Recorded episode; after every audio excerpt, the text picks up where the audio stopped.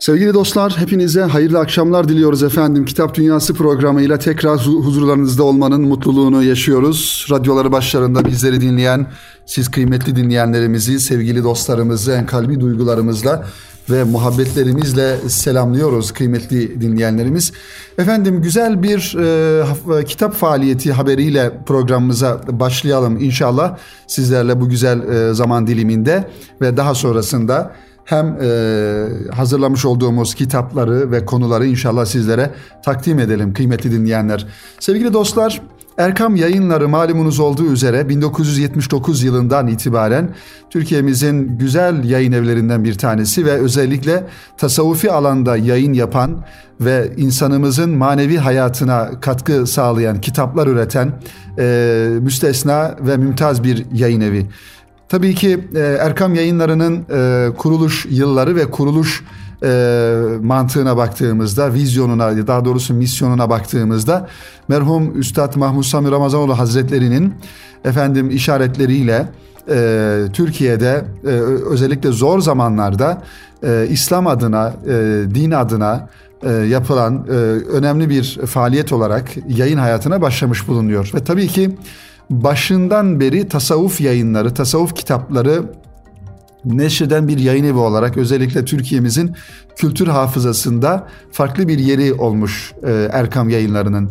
Daha sonraki yıllarda yine merhum Musa Topbaş Hazretleri'nin e, işaretleriyle, desteğiyle efendim onun kitapları da yayınlanarak ve bunun etrafında halkalanan farklı e, yazarların özellikle gönül dilinden e, kitaplar yazan, e, insanların gönlüne, ruhuna e, hitap eden kitaplar yazan yazarların bir araya geldiği ve bugün geldiğimiz noktada sevgili dinleyenler bin civarında kitabı olan ve e, Türkiye'nin farklı noktalarında şubeleri olan, temsilcilikleri olan, yurt dışında yine şubeleri ve temsilcilikleri olan ve yine kitaplarının yüzlerce farklı dile e, çevrildiğini, daha doğrusu yüzlerce kitabının 50-60 ee, farklı dilde yayınlandığını bildiğimiz, gördüğümüz çok önemli bir yayın evi e, faaliyetlerini devam ettiriyor. Haberimize gelelim sevgili dinleyenler. Tabii ki dijital dönüşüm her sektörde olduğu gibi özellikle yayın dünyasında da bir zaruret haline gelmiş oldu ve yayın evleri basılı kitaplarının yanında dijital yayınlara da ağırlık vermeye başladılar ve özellikle içinde bulunmuş olduğumuz bu salgın e, süreci içerisinde insanların daha çok kitap okumaya yöneldiği, evlerinde olduğu zaman içerisinde daha çok kitap okuduğu bir dönemde ve kitaba ulaşmanın da internet üzerinden, dijital platformlar üzerinden kolaylaştığı bir dönemde Erkam Yayınları da kendi dijital dönüşümünü efendim başlatmış bulunuyor ve bu noktada da bir ilerleme kaydetmiş e, bulunuyor sevgili dinleyenler. Altınoluk dergisi, Şebnem dergisi ve Altın Çocuk dergisi, öte yandan e, Genç dergisi ve yine Çocuk dergisi kategorisinde yayınladığı Bizim Bahçe dergisi ve bir kültür faaliyeti olarak bünyesine almış olduğu Okur dergisi, Okur Kitap dergisi de yine Erkam yayınları içerisinde dergi faaliyetleri arasında yapılan çalışmalar. Bütün bu çalışmaların sevgili dinleyenler bir dijital dönüşümü söz konusu ve her bir dergi ve kitaplar da aynı şekilde dijital ortama aktarılıp okuyucuya e-kitap formatında ya da e-dergi formatında e, ulaşma imkanı oluşturuldu okuyucunun ulaşması noktasında kıymetli dinleyenlerimiz. İşte bu dijital dönüşümün bir parçası olarak da Erkam Kitap TV YouTube kanalı da sevgili dinleyenler yayın hayatına başlamış oldu. Henüz belki daha işin başında ve içerik olarak da e, yeni bir e, başta olduğu söylenebilir. Ancak yazarların özellikle kendi ağızlarından kitaplarını e, kısa videolarla tanıttığı e, bir platform olarak Erkam Kitap TV YouTube kanalı sevgili dinleyenler faaliyetlerine başladı ve bu kanal içerisinde ilerleyen zamanlarda inşallah abone sayısı e, arttığı zaman ilerleyen zamanlarda canlı yayınlar gerçekleştirilecek, söyleşiler gerçekleştirilecek, uzun e, efendim programlar, kitap programları e, yapılacak. Dolayısıyla böyle bir e, dijital hizmete de e, başlamış olundu. Erkam Yayınları ana markasının altında Erkam Kitap TV YouTube kanalı sevgili dinleyenler. Böyle bir haberi de sizlere vermiş olalım. Ve tabii ki YouTube kullanan kullanıcılar olarak e, varsa aramızdaki şüphesiz vardır sevgili dinleyenler. Kendi kanalı olan dinleyenlerimiz de vardır mutlaka. E, bu kanala da inşallah abone olarak Erkam yayınlarının kitaplarından YouTube kanalı üzerinden haberdar e, olma imkanını da elde etmiş olalım sevgili dinleyenlerimiz. Efendim dedik mübarek Ramazan ayının son e, günlerindeyiz.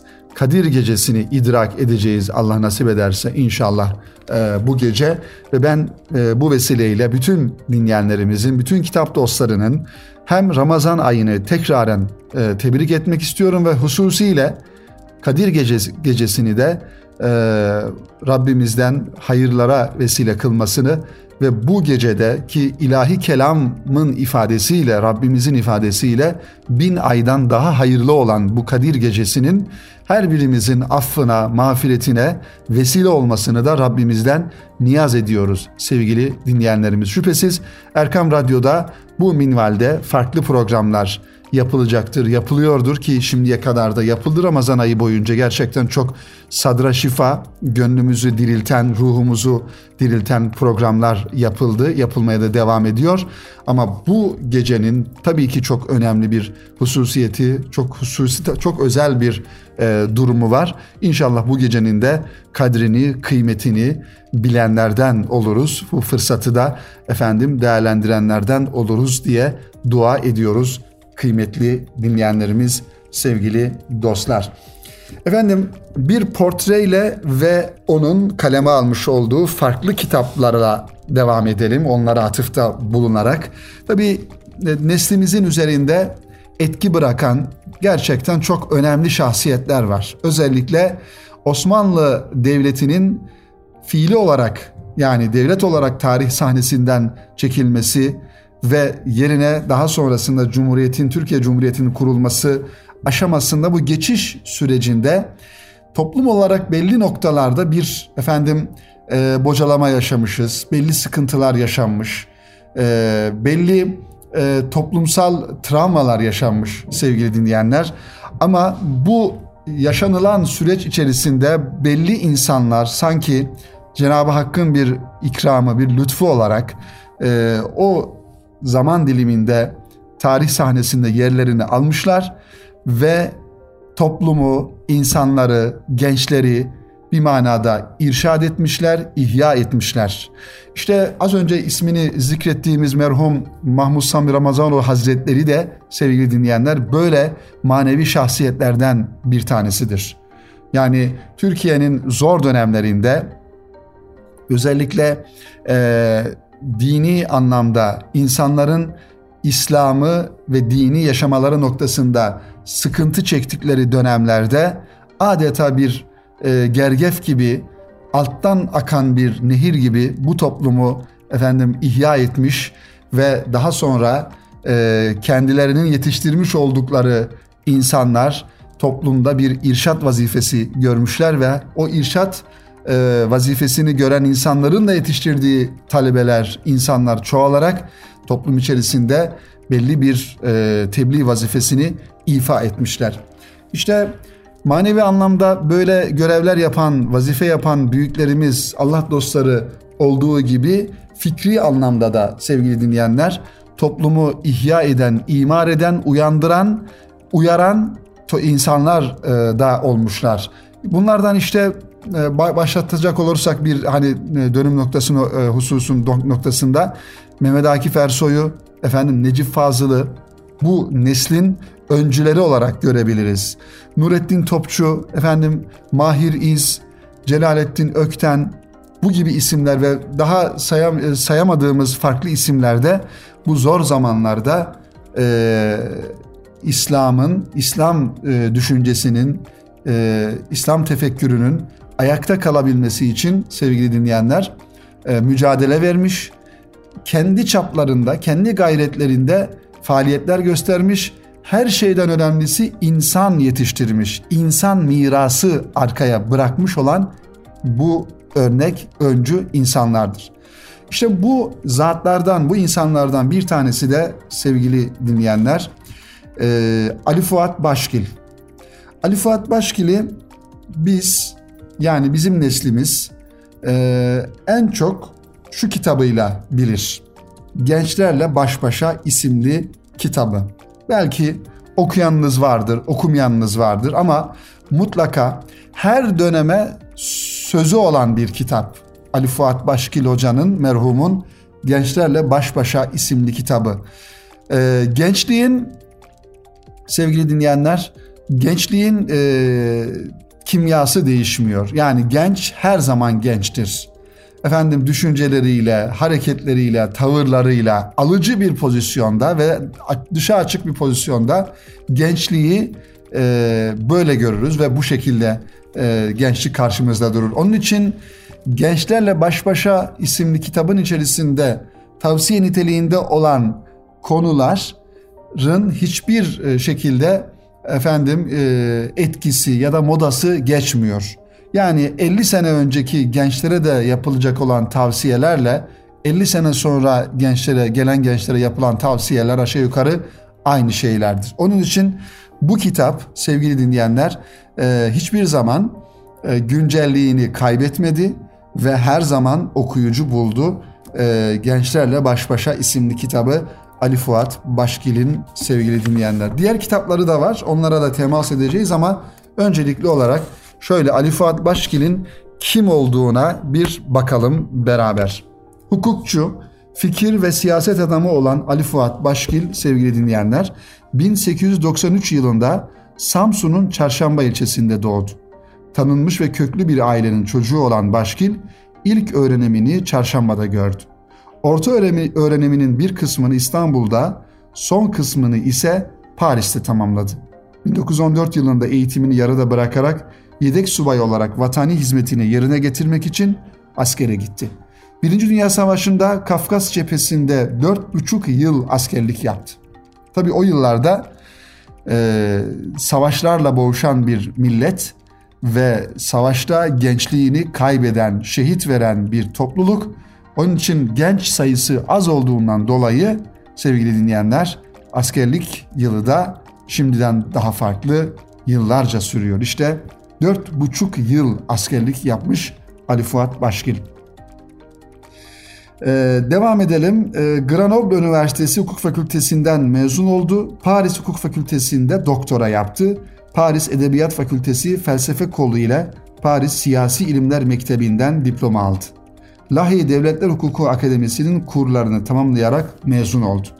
Yani eğitim hayatının büyük bir bölümünü Paris'te e, geçiren bir insan olmakla beraber sevgili dinleyenler bu çok önemli bir noktadır. Çünkü o yıllarda Paris'e gidip de yerli kalabilen, milli kalabilen, kendi ülkesini, vatanını, milletini e, sevebilen, sevme noktasında kalabilen insan sayısı çok az. O yüzden mesela Üstad Necip Fazıl da Paris'e gitmiştir. Belki o dönemlerde biraz farklı bir hayatı olmuş ama e, döndüğünde kendi ülkesinin değerlerine, insanına sahip çıkmış ve e, ülkesinde fikri faaliyetlerine devam etmiştir. İşte Ali Fuat Başkil de bu yerli kalan, milli kalan ve ülkesini, vatanını, milletini seven insanlardan bir tanesi olmuştur. Bu kadar yıl yurt dışında eğitim almasına rağmen. 1929 yılında Türkiye'ye döndü. Milli Eğitim Bakanlığı Yüksek Öğrenim Genel Müdür Yardımcılığı pozisyonuna atandı. 1930'da Ankara Üniversitesi Hukuk Fakültesi'nde açılan sınavı kazanarak doçent oldu. Bir yıl sonra aynı üniversitede profesörlüğe tayin edildi İstanbul Üniversitesi'nde ilk defa iş hukuku dersini okutarak, kurarak okuttu ve 1939 yılında Ordinarius Profesörü ünvanını aldı ki bu ünvan Ordinarius ünvanı çok insanda yoktur. Yani sayıları azdır Türkiye'de sevgili dinleyenler. Yani profesörlükten sonraki akademik ünvandır. Ali Fuat Başkil Doğu ve Batı medeniyetine vakıf, kendi değerlerinin özüne hakim bir düşünür olarak pek çok eser kaleme aldı. İnanç ve düşünce hürriyeti, demokrasi, hukukun üstünlüğü ve insan hakları gibi çeşitli konuları derin ve detaylı bir şekilde işledi. Bu konulardaki düşünce yapısından dolayı 27 Mayıs 1960 ihtilalinde Milli Birlik Komitesi tarafından 147 öğretim üyesiyle beraber üniversiteden uzaklaştırıldı. Şimdi şunu ifade etmek lazım bu e, cümleyi e, zikrettikten sonra sevgili dinleyenler. Aslında Türkiye Cumhuriyeti e, kurulduğunda tabii ki tek parti dönemi yaşanıyor belli bir süre.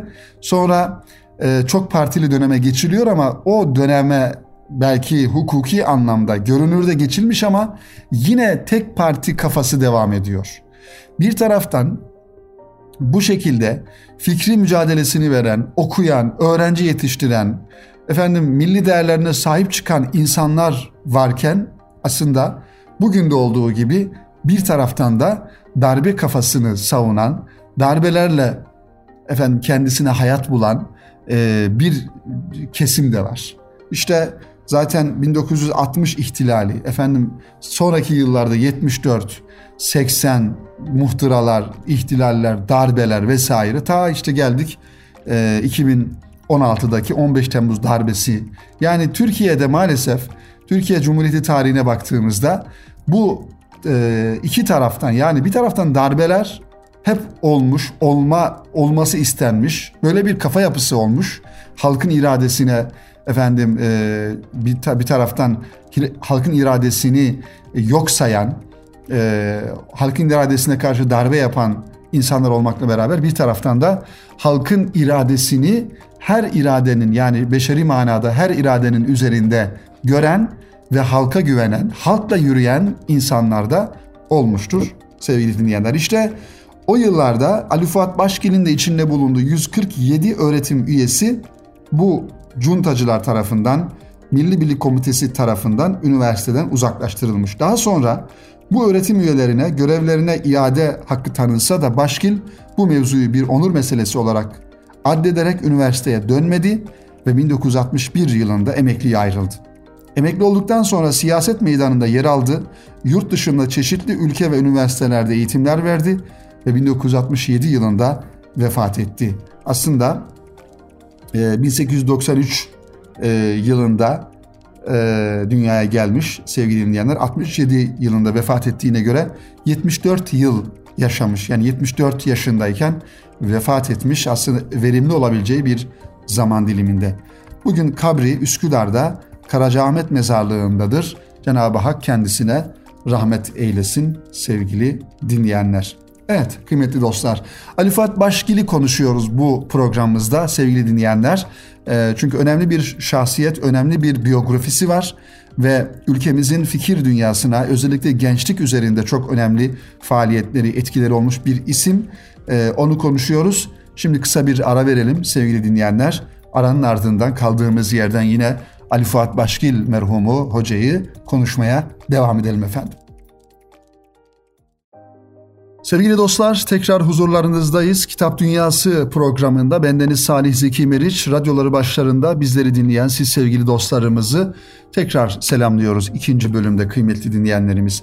Efendim Ali Fuat Başgil'den bahsediyorduk ve hayat hikayesini kısaca sizlere takdim ettik. Devam edelim. Ali Fuat Başgil hangi alan ve pozisyonda bulunursa bulunsun hayatı boyunca ilmi hassasiyetini korumuş bir anayasa hukukçu, hukukçusu, hocası ve değerlerine yabancılaşmayan bir düşünür olarak kanaatlerini cesaretle yazmış ve özgüvenle konuşmuş. Siyasi, hukuki ve sosyal alanda pek çok eser kaleme alarak tecrübelerini gençlere aktarmaya ehemmiyet göstermiştir. Yine yeni nesle rehberlik edecek konferanslar vermiştir. Az önce de ifade ettiğimiz, ismini zikrettiğimiz Gençlerle Baş Başa kitabı bu anlamda önemli bir yere sahiptir. Neredeyse bir klasik bir eser olmuştur sevgili dinleyenler. Bu eserinden yola çıkarak Başgil'in ideal gençlik tasavvuruna şöyle bir bakalım kıymeti dinleyenler birlikte. Diyor ki Ali Fuat Başgil tembellikte düşman ile tembellik düşman e, düşmanı ile mücadele et. Tembellik düşmanı ile mücadele et. Ali Fuat Başgil'e göre muvaffak olma yolunda ilk büyük düşman tembelliktir. Ona göre tembellik insanın karşısına çıkıp da mertçe savaşan bir düşman değildir. Eski peri hikayelerinde kılıktan kılığa giren, hileler kullanan bir namert gibidir. Tembelliğin tehlikesinin büyüklüğü de bu değişkenliği ve sinsiliğinden gelmektedir.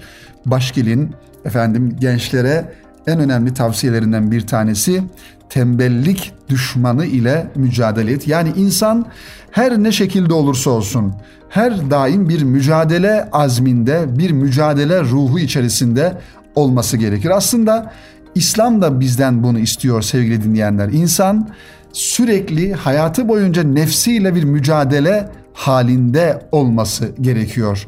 Yani efendim her şeyi bırakıp teslim olup ben bu işi yapamıyorum, bu işi götüremiyorum demekten ziyade hem nefsi planda hem hayat mücadelesi anlamında hem de efendim mücadele edilmesi gereken başka noktalarda e, insanın bir mücadele ruhu içerisinde olması lazım ve tembellik düşmanı ile en başta mücadele etmesi lazım diyor Ali Fuat Başkil.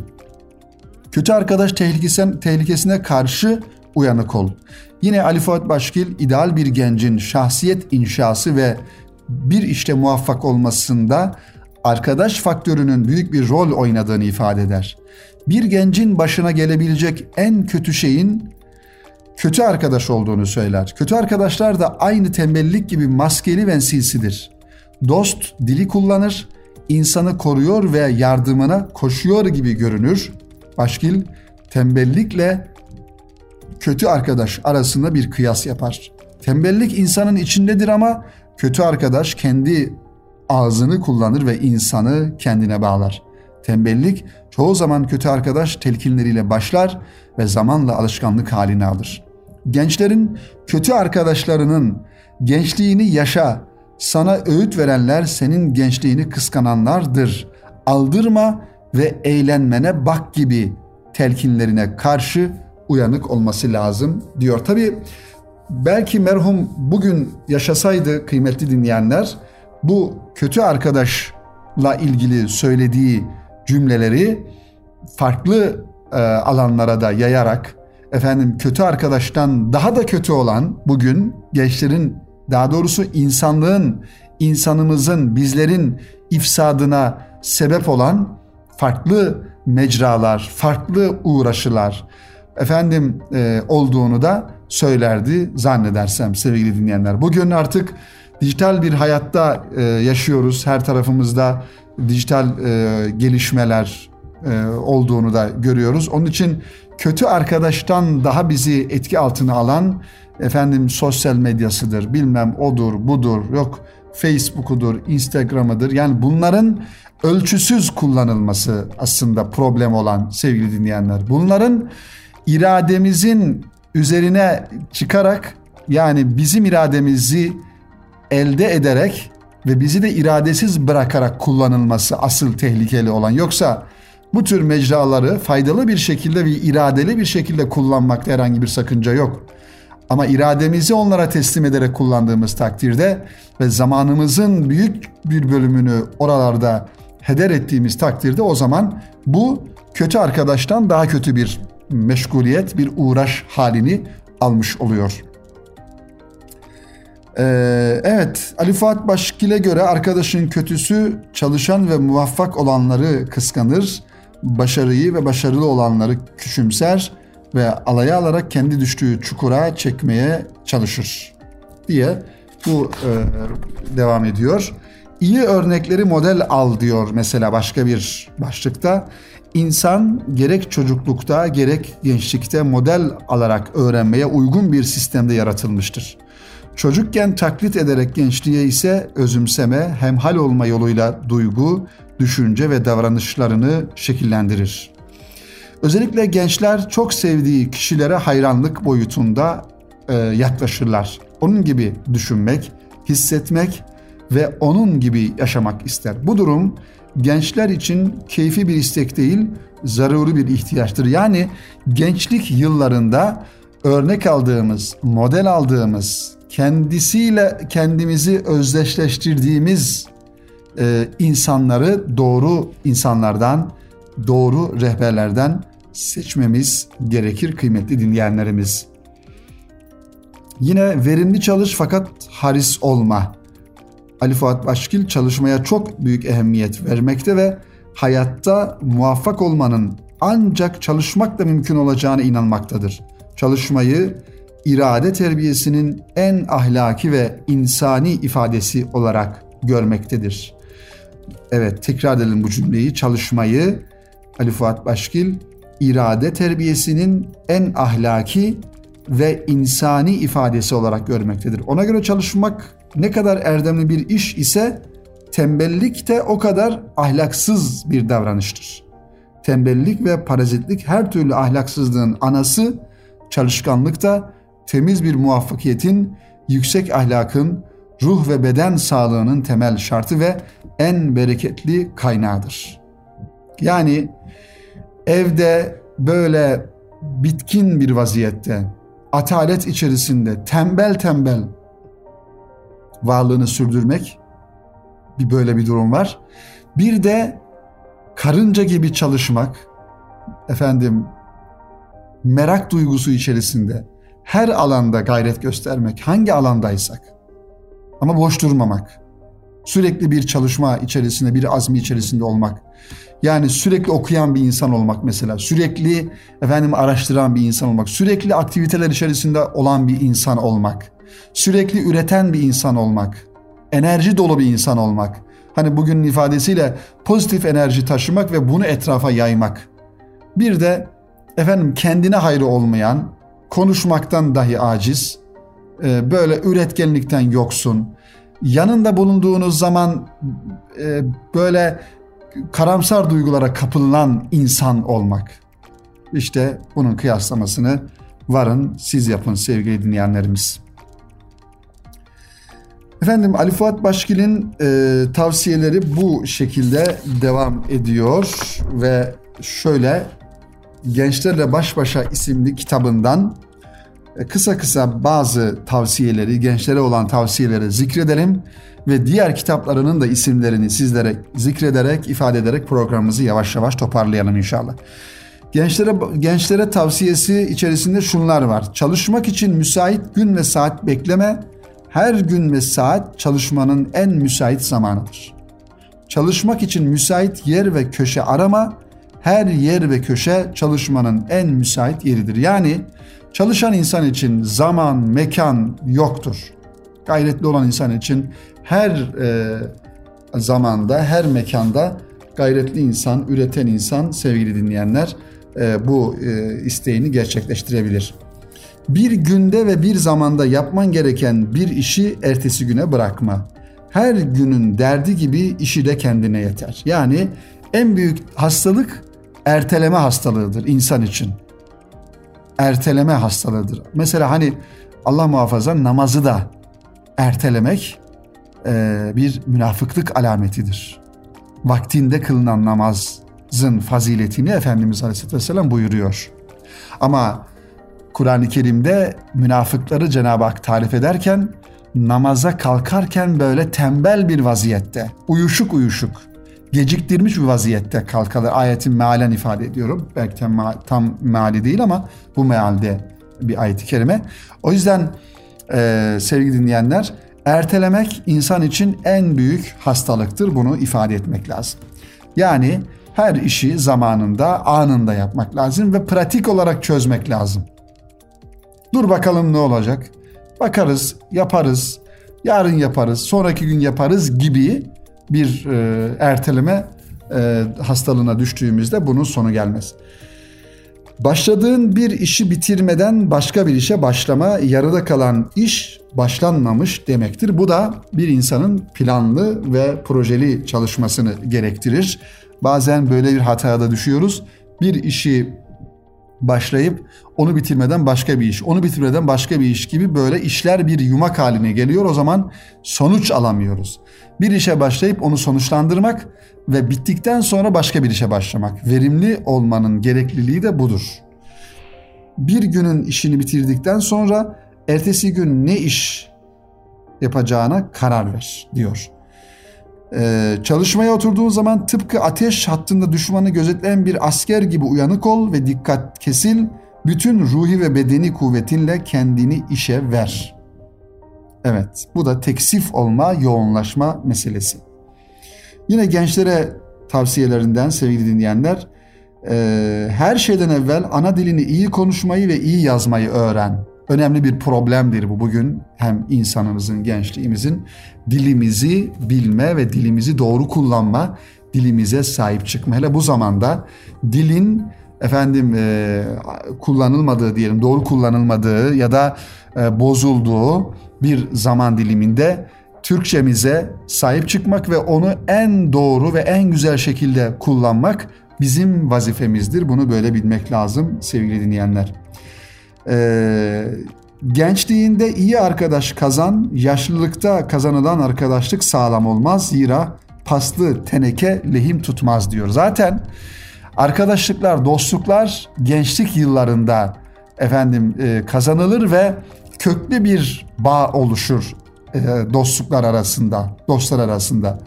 Daha sonraki yıllarda kazanılan arkadaşlık, dostluklar her ne kadar e, kazanılmış olsa da böyle köklü bir e, durumu olmaz. Ufak bir şeyde bozulabilecek olan dostluklardır. Onun için gençlik yıllarında kazan diyor Ali Fuat Başkil sevgili dinleyenler.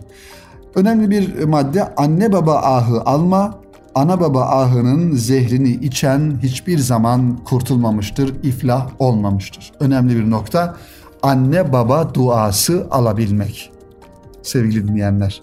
Bu bunun belki ayrı bir program yapmak lazım bunun için. Anne baba hakkı, anne babanın ehemmiyeti çok çok önemli sevgili dinleyenler.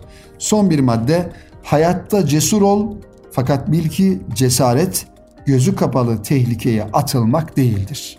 Yani cesur olmak lazım ama hangi zamanda, hangi mekanda, nerede cesareti ortaya koymak, öyle gözü kapalı ortalara atılmak cahil cesaretidir denilir.